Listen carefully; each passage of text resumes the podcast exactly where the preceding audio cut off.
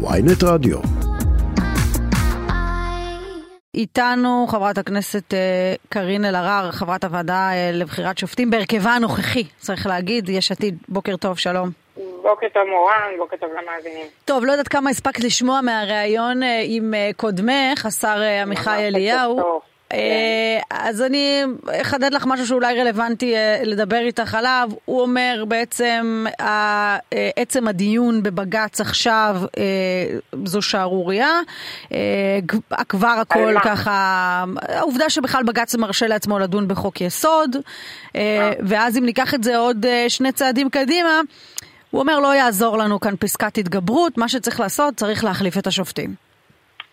כן, אמרה את זה מירי רגב בשעתו, היא אמרה את זה על התקשורת. Mm-hmm. היום הם אומרים את זה על בג"ץ, מה שווה בג"ץ הם לא שולטים בו. Mm-hmm. ולכן אם השופטים לא עושים מה שאנחנו אומרים להם, בואו נחליף אותם. שזה מה שיריב לוין מנסה לעשות מתחילת הקדנציה. תראי מורן, אה, גם אני מאמינה שחוקי יסוד ברמה העקרונית לא צריך אה, לגעת בהם. יחד עם זאת, מה שנדון הוא לא באמת חוק יסוד. זה תיקון חקיקה שנתנו לו כותרת חוק יסוד. הוא לא, הדיונים בו לא התנהלו כמו חוק יסוד. המהות שלו היא לא חוק יסוד. המהות היא גם דבר בלתי סביר, אה, לא תקין, מעודד שחיתות. מה חוק יסוד בזה? זה נותן זכויות למישהו? לא, זה נותן עוד כוח לממשלה. ועדיין, את בעצם שמה זרקור על, על גם העניין הפרוצדורלי, על איך זה חוקק ועל העובדה לא, שבעצם כל דבר... המהות, וכל דבר בעצם הופך היום אה, לחוק יסוד, ועדיין, נכון. אחרי שארזנו את הדבר הזה ברוב המתבקש, בשלוש קריאות בכנסת, עם הוועדות ועם כל מה שחוק עובר בדרך, את ואני מכירות איך זה אה, עובד. זה בדיוק העניין. אומרים המחוקקים, עקרונית זה דבר לא נכון בכלל לפתוח את שערי בג"ץ לדיון הראשון, עוד לפני הכרעה. מורן, את ואני יודעות איך נכנס חוק לוועדה ואיך הוא יוצא. ושתינו יודעות שחוק בדרך כלל עובר תהליך, משתנה. מה השינוי שנעשה בחוק הזה? רק החמירו אותו מהרגע שהוא נכנס. טוב, אז אפשר להאשים אתכם שלא ישבתם אה, לנסות לרכך, לא ישבתם לא, לנסות באמת, מורן, להגיע לאיזשהן הבנות. מורן, עקבת אחרי דיוני הוועדה, את ראית שהיינו שם יום-יום, הצענו הצעות שנדחו אחת לאחת, לא באמת היה רצון להידברות. חבר הכנסת רוטמן עשה מה שהוא עשה בבג"ץ. בא לעשות מופע, מופע יחיד, וכל מי שהפריע לו, או נזרק מחדר הוועדה, או העמידו אותו בפינה. ליטרלי העמידו אותו בפינה. עכשיו, אני באה ואומרת את הדבר הבא. אי אפשר לצפות שיהיה חוק שלא משנה מה, ניתן לו כותרת חוק יסוד, ותהיה לו רשת הגנה מפני ביקורת שיפוטית. הדבר הזה לא יכול לקרות, כי את לא יודעת מה החוק הבא שהם ישתמשו באותה השיטה בו. Mm-hmm. מה, הם יבטלו את חוק הבחירות? אבל את מבינה את העיקרון, אה, בסוף, את יודעת, מדובר בתפיסת עולם, לא בחוק ספציפי כזה או אחר, אלא באמירה עקרונית, אנחנו, אה, אה, אנחנו האנשים שעומדים אה, בסיומה של שרשרת המזון הזאת, אנחנו נהיה הבלם האחרון מפני כל דבר אחר, משום שאף שופט הוא לא יותר מבין מאיתנו, או, או אין לו עליונות יותר מאיתנו להחליט אם זה כן שוויוני, לא שוויוני, כן נכון, לא נכון. מורן, למרבה הצער, דווקא הממשלה הזאת היא דוגמה נהדרת לעד כמה ממשלה לא סופרת את האזרחים שלה, לא דואגת להם, דואגת רק לעצמה. אז תסלחי לי שאני לא כל כך נותנת בהם אמון, ותסלחי לי שבשיטת המשטר הישראלית שלנו, mm-hmm. כן, אין לנו איזונים ובלמים אחרים למעט בית המשפט. ולכן אני באה ואומרת, הם עשו כל שניתן כדי שלא יהיה אמון בהם. Mm-hmm. המהות של החוק הזה היא רק מתן כוח עודף לממשלה. אין בו שום מתן זכויות לאזרחים. ואני באמת מאמינה שאין שום סיבה אמיתית לתת רשת הגנה, כי רוטמן נתן לזה כותרת, חוק יסוד. אוקיי, אה, אני רוצה להתקדם לנושא אחר. אתמול אה, בעצם משיב אה, שר המשפטים יריב לוין לבג"ץ סביב הכינוס הוועדה לבחירת שופטים. הוא בעצם כן. אומר, כינוס הוועדה בסמכותי הבלעדית, אל תתערבו בעניין הזה. ואני שואלת אותך, נניח שעם חוק היסוד יש לך כל מיני ככה השגות ודברים שאת חושבת שבאמת התנהלו לא נכון. אבל הוועדה לבחירת שופטים, מה לעשות? באמת, בתחום אחריותו, והוא יחליט אם לכנס אותה או לא לכנס ספק. אותה, כולל גם לבחור שופטים. אין ספק שעל פי החוק, יו"ר הוועדה הוא אה, שר המשפטים. עכשיו, אה, שר המשפטים לוקח את כל אזרחי ישראל שרוצים להגיע לבית משפט ולקבל צעדים משפטיים, בני ערובה, הוא אומר להם, עד שאני לא אקבל את הרפורמה שאני רוצה, לאף אחד לא יהיה שופט בסד זמנים נורמלי. זה דבר שהוא לא הגיוני. את יודעת, אומרים, זה לא סביר.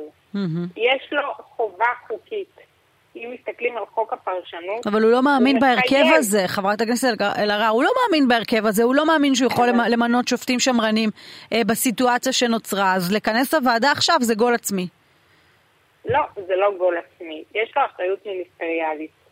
יש לו אחריות כשר משפטים לקדם את מערכת המשפט. מה הוא עשה מרגע שהוא נכנס לתפקיד, פועל ככל יכולתו על מנת להקריס אותה, על מנת שלא יהיו מספיק שופטים, על מנת כל היום להתגולל על היועצת המשפטית לממשלה, על מנת להגיד שכולם לא בסדר, רק הוא בסדר. עם כל הכבוד, אתה רוצה לנהל, אה, אתה רוצה לעשות שינוי, בסדר גמור. שינויים עושים בהסכמות רחבות.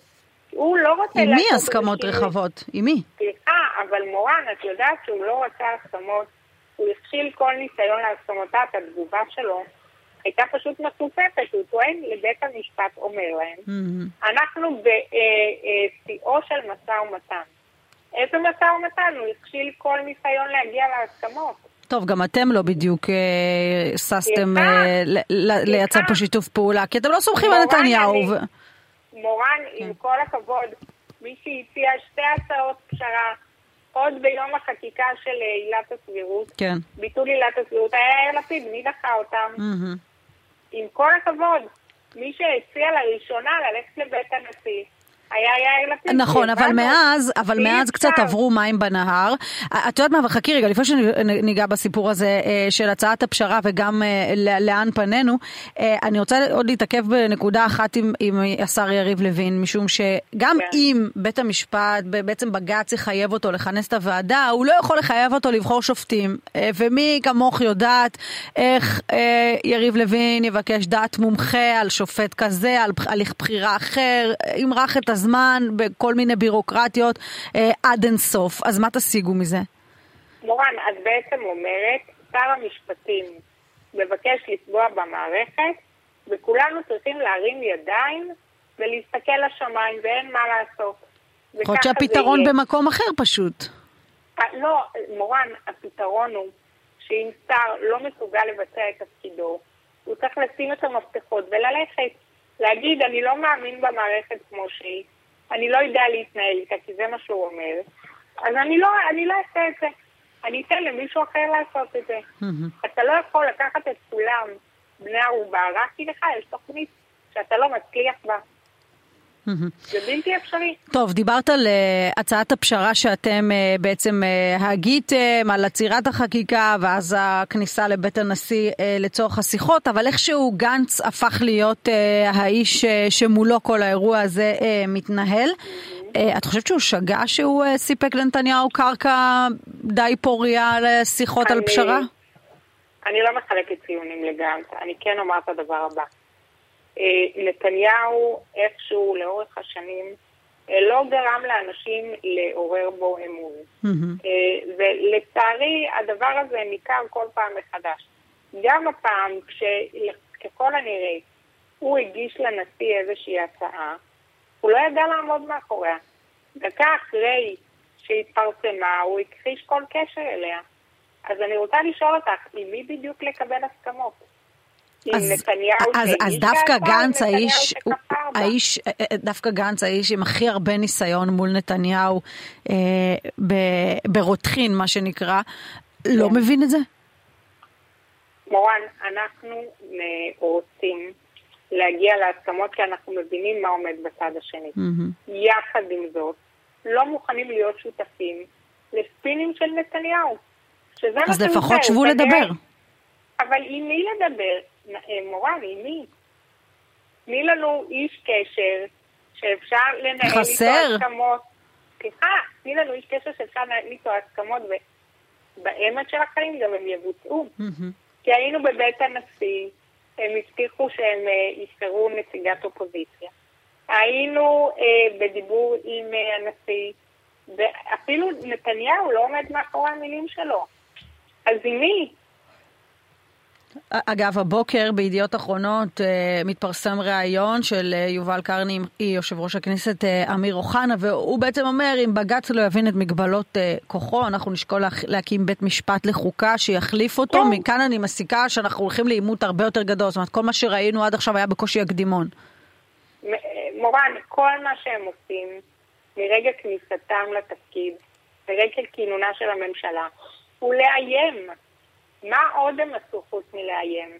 וחוץ מלהרע את מצבם של אזרחי ישראל, שאין להם ביטחון אישי באמת, כלכלה נפגעה, המצב המדיני בכי רע. באמת, מה עוד נותר? במה הם לא פגעו?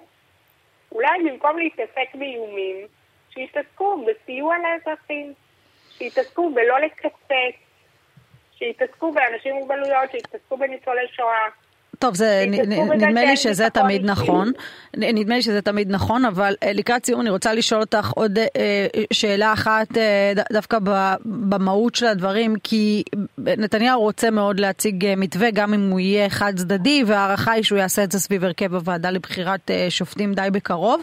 נניח שהמתווה יהיה לא להוציא את השופטים מהוועדה, אבל כן ללכת על מתווה בנוסח מה שהציע השר לשעבר חיים רמון, שלושה נציגי אופוזיציה. אופוזיציה, שלושה נציגי קואליציה אה, ושלושה שופטים בוועדה, זה משהו שאת יכולה לחיות איתו? אני באמת לא רוצה להתייחס למתווים ברדיו, כי אני לא מכירה את כל הפרטים, זה נראה לי לא רציני. בסופו של דבר אני אומרת לך מה היו תמיד הקווים האדומים.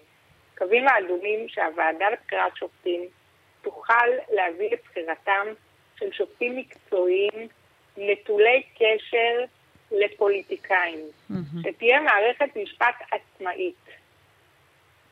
ככל ואיזושהי הצעה תעמוד בדבר הזה, בהחלט יש על מה לדבר, mm-hmm. אבל קודם כל לעצור את החקיקה. אוקיי, okay, חברת הכנסת uh, קארין אלהרר, יש עתיד. תודה שדיברת איתנו. שנה, שנה טובה. טובה, בוקר טוב. ולכל המאזינים. ביי, להתראות.